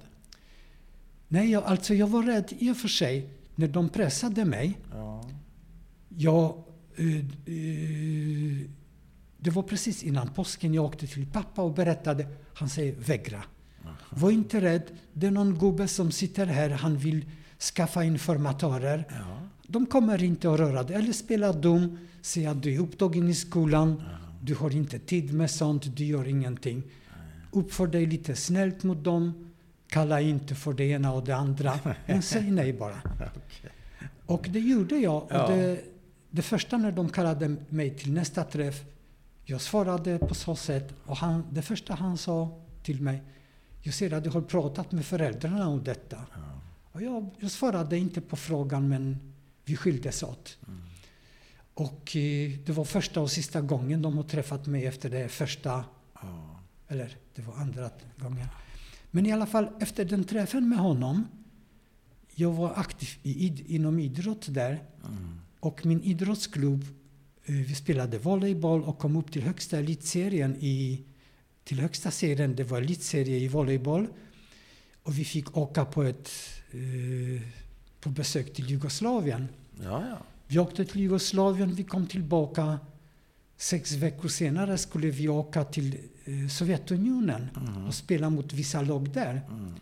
Och då, då var det stopp för mig. Jag fick inte åka fick till. Sovjetunionen. Jag pratade med eh, lagledningen och han sa till mig, killen, att när jag kom till polisen för att skaffa dokument för oss, då frågade de direkt, måste han åka med? Och jag fick inte åka med. Nej. Och jag, jag berättade för pappa direkt, kom tillbaka till pappa. Pappa säger vänta, vi ska testa dem. Och då lämnade jag ansökan om att få åka till Ryssland, Ja. till pappas kusin som bodde där fortfarande i Kiev. Aha. Jag fick alla papper från Kiev, alltså inbjudan till att åka dit, Mm. stämplade av rysk polis. Allt var okej, allt var kosher. Men polska polisen vägrade. Ändå? De släppte inte mig. Nej. Och då började ett nytt kapitel från och med den stunden. Då förstod jag att något är illa. Så jag började uh, kräva att de berättar varför jag inte får åka. Mm. Då fick jag lämna, uh, skriva papper, fråga varför. Jag fick vänta på ett svar tre månader. Oj. Så tiden började gå. Det var slutet på 68. Jag läste sista årskursen på uh, Tekniska högskolan där. Mm. Studerade elektronik där. Mm. Och eh, samtidigt började många kompisar lämna, lämna Warszawa. Mm. Man började prata i helt andra termer med vänner. Det var flera personer, en kompis som heter Winter som berättade att han är jude. Mm. En annan kille som heter Brzoza berättade att han var jude. Ja. Jag började misstänka det i och för sig, men eh, det, det började, man, man började få en omgivning av sådana förföljda judar, kan ja. man säga. Ja. Och eh, då började det brinna riktigt på hos mig. Ja. För när jag var nästan klar med femte årskursen där, då fick jag kallelse till eh, det militära.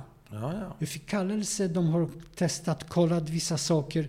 Jag var klar med min militärutbildning, var godkänd, hade någon militärgrad Mm. där. Mm. De skickade mig på, till, på en speciell till eh, sjukhuset. Man skulle undersöka min hälsa, om Ja, allt var okej. Och jag, under det besöket på sjukhuset, jag blev tillfrågad av läkarna vad har du för yrke? Jag säger studerande, jag, stud, jag är student. Och de säger va? Det var nämligen så att studenter var befriade från militärtjänsten. Aha. Jag, jag har gjort militärtjänsten på annat sätt, så jag var klar med detta Ja, ett, ja. ett år tidigare. Jaha. Och det var lite chockerande när jag kom tillbaka till skolan efter besöket på sjukhus. Ja. Började fråga kompisar. Ja. Ingen av mina polska kompisar, polska vänner, Nej. har gjort liknande besök på sjukhus. Eh, Alltså det var en kommission som skulle avgöra om man var tillräckligt frisk för att Men, militärtjänstgöra. men var det, så ser du på det som en trak, ett trakasseri eller vad? Nej, vad jag, jag tror att de ville... Att det var trakasserier från Säkerhetspolisens Ja. sida. Att engagera mig på något Ja. sätt i det militära. Ja. Så, du- Och detta skulle göra...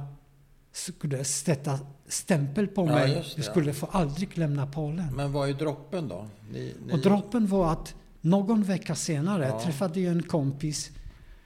Vi var ensamma i skolan i ett rum. Och han kommer fram till mig och frågar mig Lämnar du Polen? Aha. Och jag spelade dum. Mhm. Jag visste inte vad, vad han menade. Nej.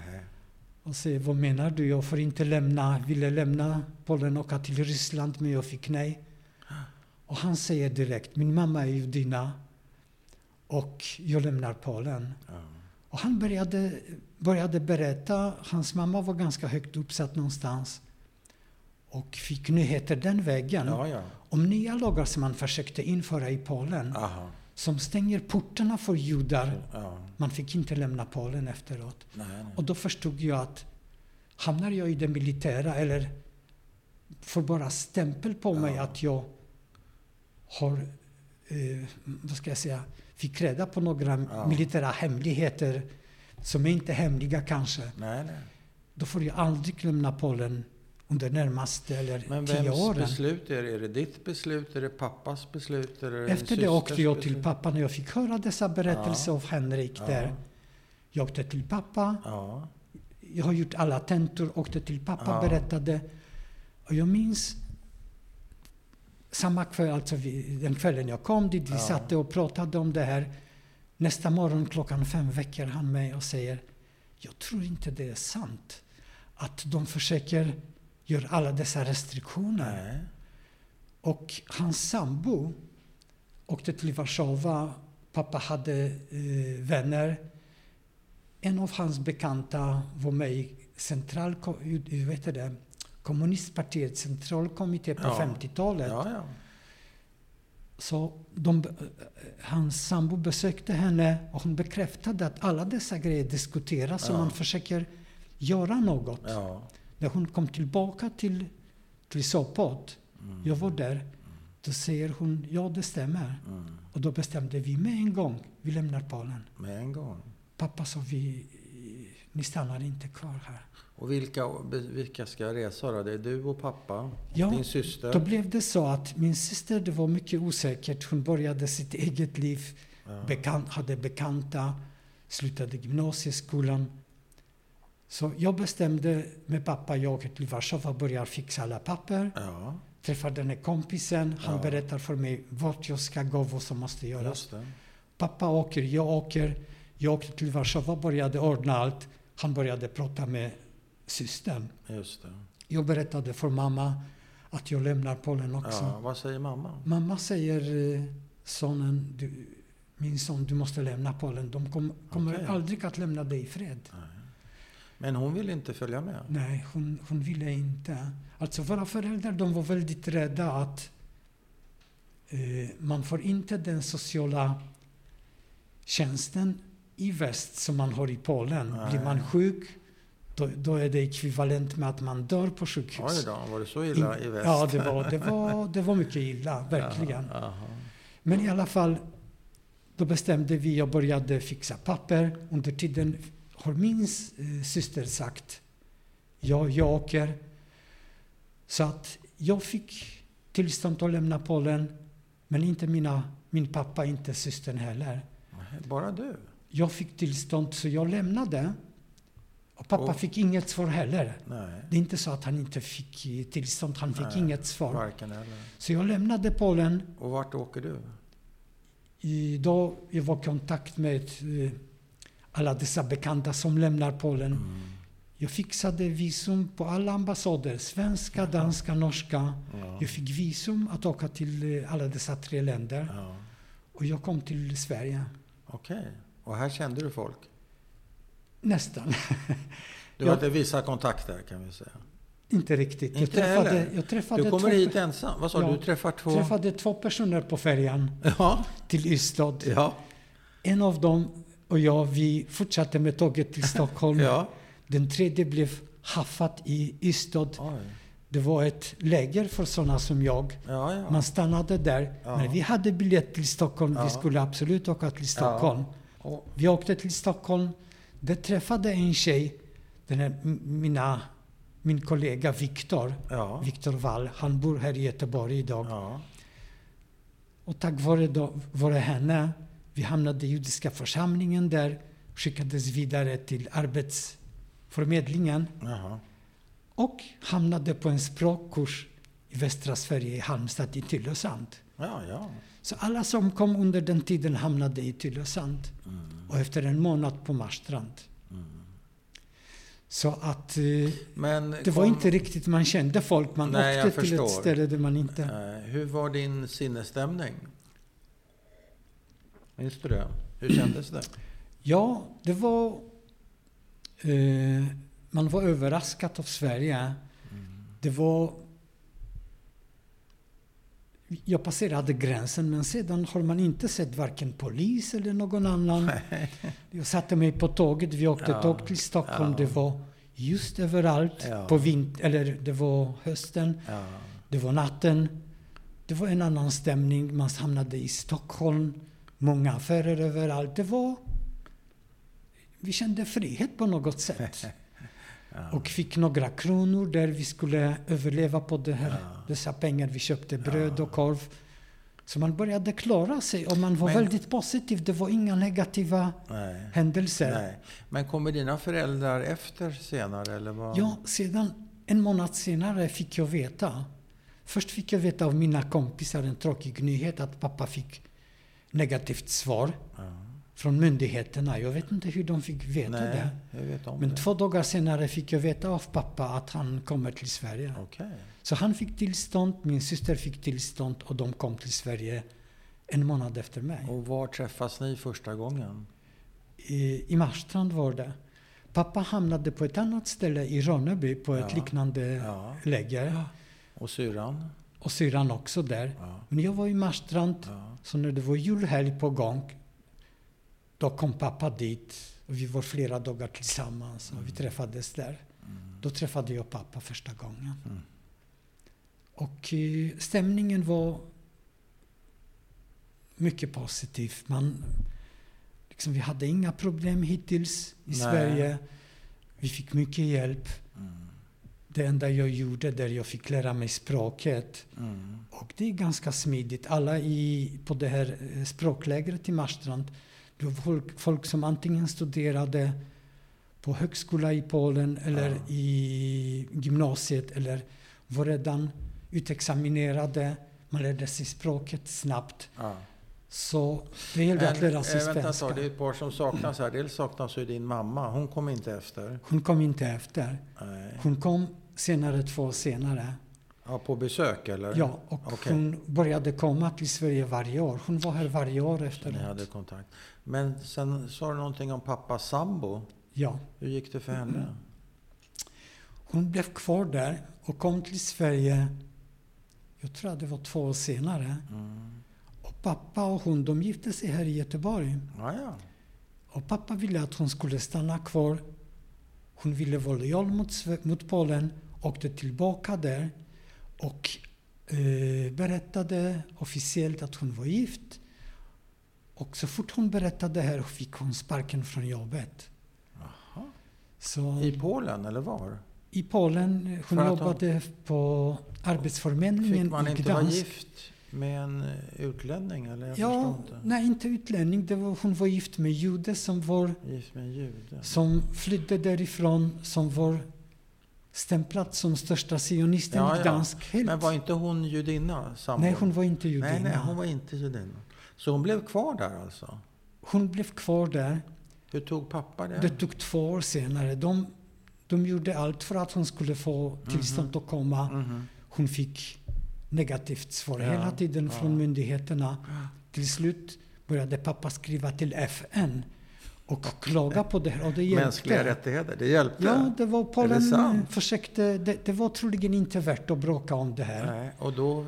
Då släppte de henne. Hon har bott dessa två år utan jobb i Polen. Hon försökte Oj. göra allt för att Oj, överleva. Wow. Men till slut kom de hit. Hon fick yrkesförbud för att hon var gift med din pappa? Ja, hon, hon jobbade på Arbetsförmedlingen Ja. där hon var någon chef. Ja. Och, Och sen bara tjoff. ja, så var det med Konstigt. de flesta judiska... Eh, Ja. Hur skulle föräldrar. du säga att, att du har präglats av dina föräldrars krigserfarenheter? Det kan ju vara en svår fråga, men har du funderat på det? Det var svårt att svara på det här, vet. men jag, jag Det tror att vi fick väldigt lätt i Sverige här. Ja. Man fick möjlighet att läsa snabbt. Men jag tänker kanske innan. Studera. Innan, innan du kommer till Sverige. Du har ju ändå vuxit upp. Vad sa du? Född 46 va? 46, jag var Och- 23 år när ja, jag menar lämnade. Det, så att du är ju en vuxen, Mm. verkligen en vuxen person.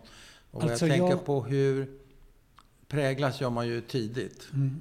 Första åren Från kanske. 68 till 69 fick jag... Jag förstod att... Ja, men jag tänker på slut. 46 till 48 till 49. Tidigare till 1905. åren. Dina tidiga år, din, din tidiga Mm. barndom. Har du funderat på hur det, hur det har präglats av dina Jag, föräldrar? jag tror Din mamma var ju tyst va? Hon sa ju ingenting. Pappa Nej. berättade men han, han Han berättade berätta... små saker som Ja. sådana sekvenser. Ja, och rätt så, ja, men jag körde fast i, i, i leran eller jag red så att jag blev trött. Eller jag, rätt så, Eller hamnade på sjukhus Ja, och förstod att jag överlevde. Jag körde sån där tank. Så det är ju rätt så spännande, eh, lite spännande saker verkar han ha berättat. Kanske inte så personliga alltid, jag vet inte. Jo, Men har du funderat på hur, det, hur, du, hur du blev den du blev? alltså vi, vi levde på något sätt ett parallellt liv där, eh, liv där i samhället. Ja. Vi tillhörde inte riktigt polska samhället. Vi var Nej. inte eh, kristna. Nej, Vi definitivt gick inte i kyrkan. Alla Nej. mina kompisar i skolan, de gick till kyrkan. Ja. De träffades där. De var katoliker. De var katoliker. Ja. De träffades där. ja, just det. Där umgicks man i... Det Ja, ja, ja. De, när de började social- spela volleyboll, då Ah. spelade de med prästen. Jaha, Som en fritidsgård eller vad ja, det var. Ja, Jag träffade dem bara i skolan. ja. De var vänliga, allt var okej, men det var... Man tillhörde inte riktigt det här samhället Nej. på den sidan. Nej. Sedan när man började studera, då, då var det annorlunda. Man, Mm. började tillhöra lite eliten i landet. Ja, just det. Och då träffade man mycket folk, det var intressant, men ändå det var, man var isolerad från en medelsvensson där i Polen. Ja, Man, eller man levde inte det livet som de levde. nej. De hade sina, sin farfar, sin farmor, Ja, släktingar. Vi hade ingen. nej. Vi hade inga. nej. Och eh, det, det, det kändes lite speciellt. Jag tror att man blev lite tuffare. Det, det, jag kände hela tiden den strävan att klara mig bra. Jag måste sluta skolan, jag måste Ja, liksom klara det och det ja, för att börja studera, för att bli civilingenjör till slut och så vidare. Och Ja. jag tror att man hade en viss kamp där. Det gick väldigt lätt i skolan, jag klarade det väldigt lätt. ja. ja. Så allt gick Men, smidigt. ja, men du har ju Men- haft mycket motgångar då, samtidigt. Ja, i- på annat håll. På- det var mera ja. med polisen sedan Ja, efter menar det. Jag menar det. 67, 68. Ja, Men byggde du upp en familj i Sverige sen, eller vad hände? det var i Sverige först. Ja, och vad, hur, hur såg det ut? Hur gick det till? Ja, jag, vi hade bekanta här. Man började studera, träffade folk och Hur träffade du din fru? det var många år senare. Ja, Jag ja. träffade först en tjej som stannade där, här i Sverige. Vi gifte oss, men vi skilde oss väldigt snabbt. ja, Eh, Det var på den tiden jag läste på Chalmers. Hon- Hur länge var ni gifta? Det var bara två år, Ja. så det gick väldigt Sen snabbt. tog det slut, ja. Det tog slut, men hon var mer intresserad av att stanna. Hon var från Polen och hon var intresserad av att stanna här i Sverige. Det var hennes främsta intresse. och du var biljetten. Ja, det kan man säga. Var det en judisk flicka? Nej, Nej. Nej men eh, man kände inte så tydligt det här. Det var, Nej, nej, nej. jag, jag har inte levt något judiskt liv Nej, tidigare. nej, det var först i Göteborg när jag kom här. Jag började få kontakt med församlingen i Ja. Det är ju roligt att vi sitter på judiska församlingen Församlingen. i Göteborg med en person som knappt har vetat att du var jude. Jo, det är, men jag, det är verkligen ödets ironi alltså. säga, det var på ett annat sätt. Ja, Jag det- visste tyvärr det här på det negativa sättet. Ja, att jag, den, den, objektet Men som du hade ju ingen, gillar. när fick du din positiva identifikation? Att det här kunde vara något, någonting positivt? Att det var intressant att vara jude. Intressant, eller inte vet jag. Ja. Vad, när, när kom det? Det var alltså 1970 tror jag när jag kom till Göteborg. Ja. Eh, skulle börja fortsätta studierna på Chalmers. Ja, ja. Då träffade jag David Ladov. Han knackade på min dörr på studenthemmet Ja. och det var något läger de, eller någon träff de arrangerade. ja. Han frågade, vill, ville Ja. du vara med? ja. Och jag åkte till den träffen. Och då träffade jag judiska ungdomar Ja. från, några från Göteborg, det var Ja. Malmö, ja. några från Norge, några kom från, från. Holland. Var det skjuff eller nej? Det var någon form av sån här ja. Okej. Det var cirka Ett 20-30 läger. personer. Så då kom, hamnade du i ett sammanhang? Och vi var där och det var intressant för alla var i min ålder. Man träffade folk som var väldigt positiva. Ja, okej. Och eh, man Du, gillar, hamnade- du gillar positiva människor? Nej, men det var också så att de uppskattade mig. Ja, Jag uppskattade dem. Ja. Och när man träffade folk efter det här lägret här i Göteborg, Ja, ja. De, de verkligen vände sig till oss med respekt. ja. Och vad ska jag säga, respekt i den meningen att okej, jag fick aldrig den negativa känslan Nej. som i Polen. Nej, Som utan ett intresse. alla en, tyckte, ja. du är jude, försvinn härifrån. Ja, ja. Nej, men, Inte alla, men många. ja, jag förstår. Du tar vår plats. Ja, men här var det det. tvärtom. De säger, var inte rädd att du inte fick jobb på IBM. Nej. Vi har många företag som är lika stora. Fortsätt söka vidare. Du får det jobbet. var positivt. Jag det var, förstår. det var, och då märkte jag att det finns folk som redan jobbar. Mm. Men du kände väl att de här människorna vill mig väl? Och så hade du inte känt i Polen? Och dessutom, de representerar något. De jobbar redan här. De, ja, ja. de har kommit upp sig, om Kommit man en kan bit. säga så. Ja. Och Och det ville du de är också? respekterade. Du de ville, är res- du ville också komma upp ja, där. plus att de är respekterade i det här samhället. Ja, ja, det var kanske den största känslan man såg. Ja, Eh, någon som blir professor inom medicin, en bekant. ja, ja. Och så vidare. Och den personen är I Polen slängde man ut judiska Ja, professorer Ja, och eh, folk som jobbar på Ja, universiteten. Här var det tvärtom. Ja.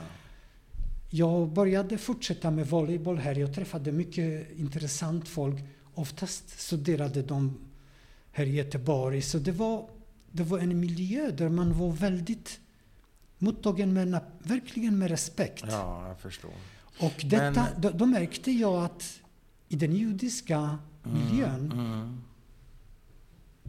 Det, varför ska man säga nej till det? Det var, Nej, det var positivt. det, det var både positivt och mycket attraktivt.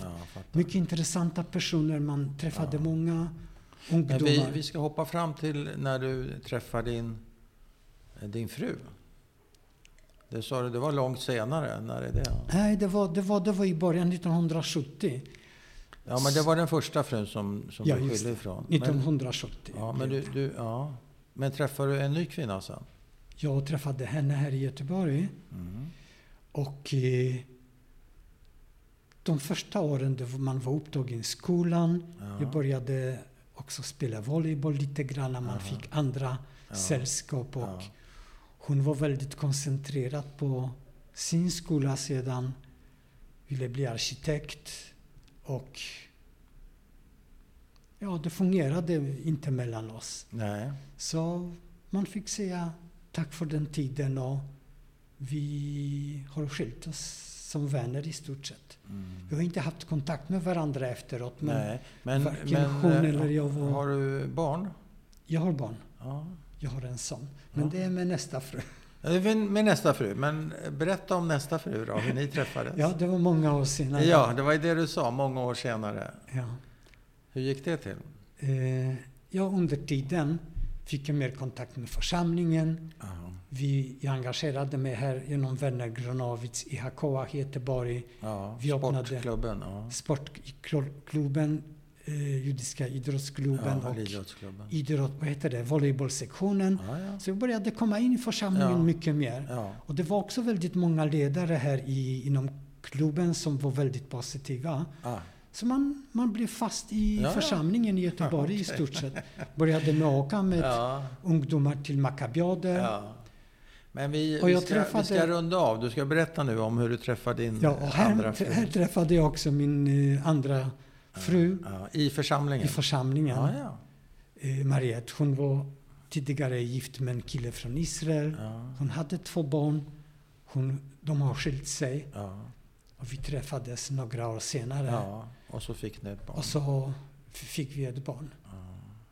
Är din son, nu är väl han rätt vuxen antar jag? Hur gammal är Han är tre, 29 år Ja, jag gammal. menar det. Är, är han intresserad att höra dina berättelser? Eh, Från kriget och när så jag vidare? berättar då lyssnar han på det här men han frågar inte efter hur det blev. Han säger skriv Nej. upp det någonstans. Det är lite jobbigt, det är lättare att säga. Så han minns saker som jag berättar, Ja. om jag berättar. Ja. Men det är aldrig så att han kommer fram och säger kan du berätta hur Nej, det nej. var här och där. Nej. Precis som tyvärr, tyvärr som det var me- mellan mig och mina föräldrar. Ja. Jag frågade inte riktigt på den tiden. Nej. Det var först när vi var äldre. ja. Pappa berättade saker och ting och man har missat väldigt mycket Så genom det. att inte fråga. Så är det. Och sen är det för sent. Men Tyvärr. funderar du på att skriva ner dina minnen som din son På något sätt till? vill jag lämna det. Nu Ja. börjar man lämna lite spår. Jag började undersöka efter, eh, ja, sedan kanske 15 år tillbaka, vad som hänt med familjen. Mm. Så du har gjort research och Ja, forskat lite lite? kan man kalla för. Ja. Så det har gått så långt att jag hittade pappas syster, Ja. Tyvärr på en begravningsplats i Ryssland. ja. Hon har överlevt kriget också. ja. Hon Regina, precis som någon berättade för pappa. Hon flydde till Ryssland, överlevde där ja. och hon har levt där till, tills hon blev 97 år gammal. Oj! Wow. Tyvärr, vi visste ingenting om Nej. det. Det fick jag veta genom Vad Vashem och eh, besökte hennes dotter i Ryssland Ja, efteråt och hennes barnbarn. Det är din kusin alltså? Min kusin, hon Ja, levde, kusinbarn. min faster levde inte då. Det Nej. är hennes kusin jag Nej. besökte i Ja, Moskva. Ja. Så jag berättade för sonen, han är intresserad men tyvärr, jag skriver inte upp det, nå- har inte skrivit upp det någonstans. Det var Nej. lite lösa Men det är inte för berättelser. sent. Nej, jag har, jag har hittat lite berättelser om pappa, om Ja. hans bror från kriget och Och nu har du ju den här berättelsen som ja, Din son då fick jag ta veta del lite av. mer. om man vill. Jag menar det, det vi gör här idag. Jag tror att pappa är lite mer, eller min son är lite mer intresserad av just de här åren i Sverige, vad man Mm. gjorde, vad som var roligt, vad Ja, som var mindre naturligt. roligt. Det verkar, ja. Bra, vi ska ta och runda av. Ja, Jag tackar så mycket. Tack ska du Det har ha. varit intressant och roligt att lyssna på dig. Omtumlande. Ja, jag hoppas att det kan vara intressant för dig. med Absolut. Tack så mycket. Tack ska du ha.